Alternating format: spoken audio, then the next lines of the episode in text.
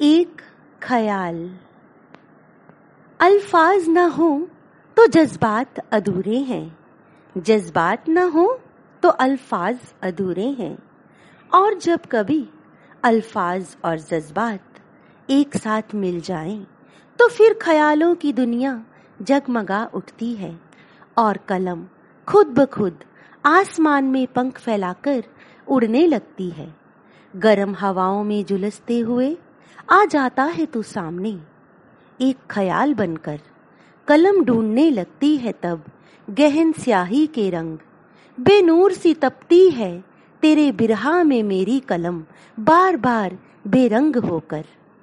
संध्या के जीने आलोक में, मध्यम हवा के झोंकों संग। बुझने को लालायत, मोमबत्ती की लाट पल पल प्रज्वलित हो उठती है तेरे ख्यालों की आमद से। और फिर कलम लिख देती है, वो पल, वो यादें, जो कभी ना तेरी थी और ना कभी मेरी। जो ना कभी तेरी थी, ना कभी मेरी। शुक्रिया।